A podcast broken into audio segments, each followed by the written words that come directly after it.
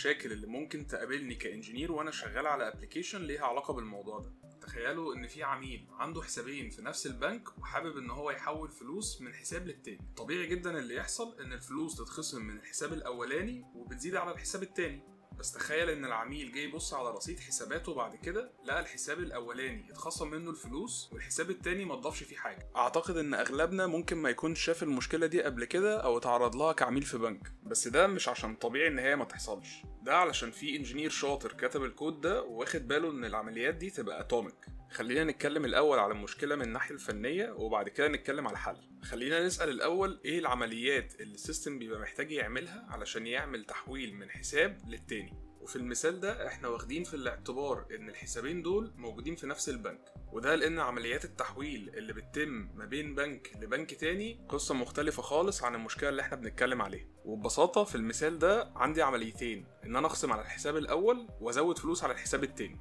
طب لو افترضنا إن في أي مشكلة حصلت بين العمليتين دول خلت العملية التانية دي ما تتنفذش. وبالرغم من إن الوقت بين العمليتين دول يكاد يكون حاجة لا تذكر إنما ده ما يمنعش إن المشاكل ممكن تحصل في التوقيت ده. طب برضه هي إيه نوع المشاكل اللي ممكن تحصل تخلي العملية التانية دي ما تتنفذش؟ الحقيقة إن في أسباب كتير للمشكلة دي إنما خلينا نتكلم على سببين مشهورين ممكن يبقوا سبب في المشكلة دي. أول سبب ليه علاقة بال engineer بشكل مباشر. ببساطة لو في check constraints أو data integrity rules محطوطة على ال table اللي أنا بعمل فيه update وحاولت أحط data مخالفة لل check constraints دي ساعتها ال transaction دي مش هتتنفذ. وهبقى وقفت في inconsistent state إن ال transaction الأولى بس هي اللي اتنفذت والتانية ما اتنفذتش.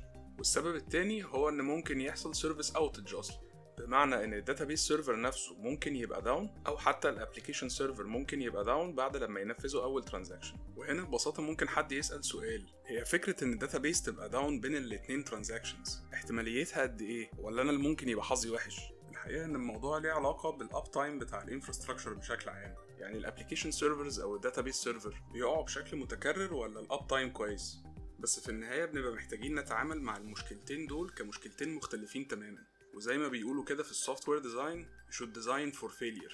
لازم تبقى متوقع أسوأ case ممكن تحصل وتشتغل على أساسها. ووقت لما يحصل service outage تبقى at least بتحل مشكلة واحدة مش بتحل مشكلتين في نفس الوقت. طب إزاي مشكلة زي دي نحلها ونتأكد إن هي مش هتحصل معانا؟ أول حاجة محتاجين نبدأ نستخدم database transactions.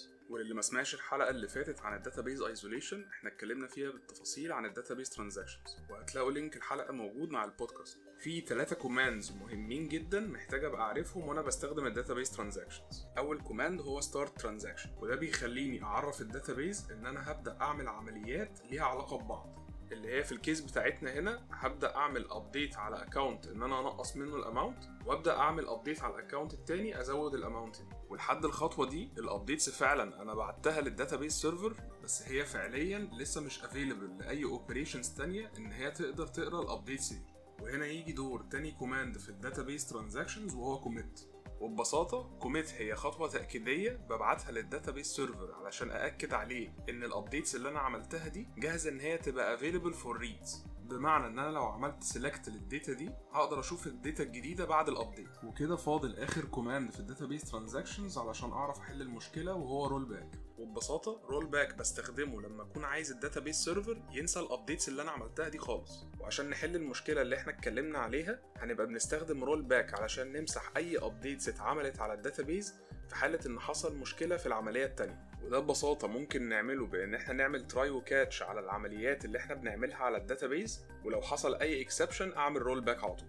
وكده هنبقى اللي وصلنا له إن الاتنين updates اللي أنا بعملهم على ال database دول يا إما الاتنين هيتنفذوا يا إما الاتنين مش هيتنفذوا خالص ومش هيبقى فيه واحدة بتتنفذ والتانية لأ. ساعتها ممكن أرجع أعرف ال user إن ال transaction دي ما اتنفذتش خالص. طبعا بالنسبة لي ك engineer هيبقى لسه في مشكلة وهبقى محتاج أرجع أشوف المشكلة دي حصلت ليه وأحلها. بس في الآخر هيبقى عندي مشكلة واحدة في الكود محتاج أحلها والمشكلة مش موجودة في ال data. وخلينا متفقين إن مشاكل ال data بتبقى حلها أصعب بكتير من مشاكل الكود.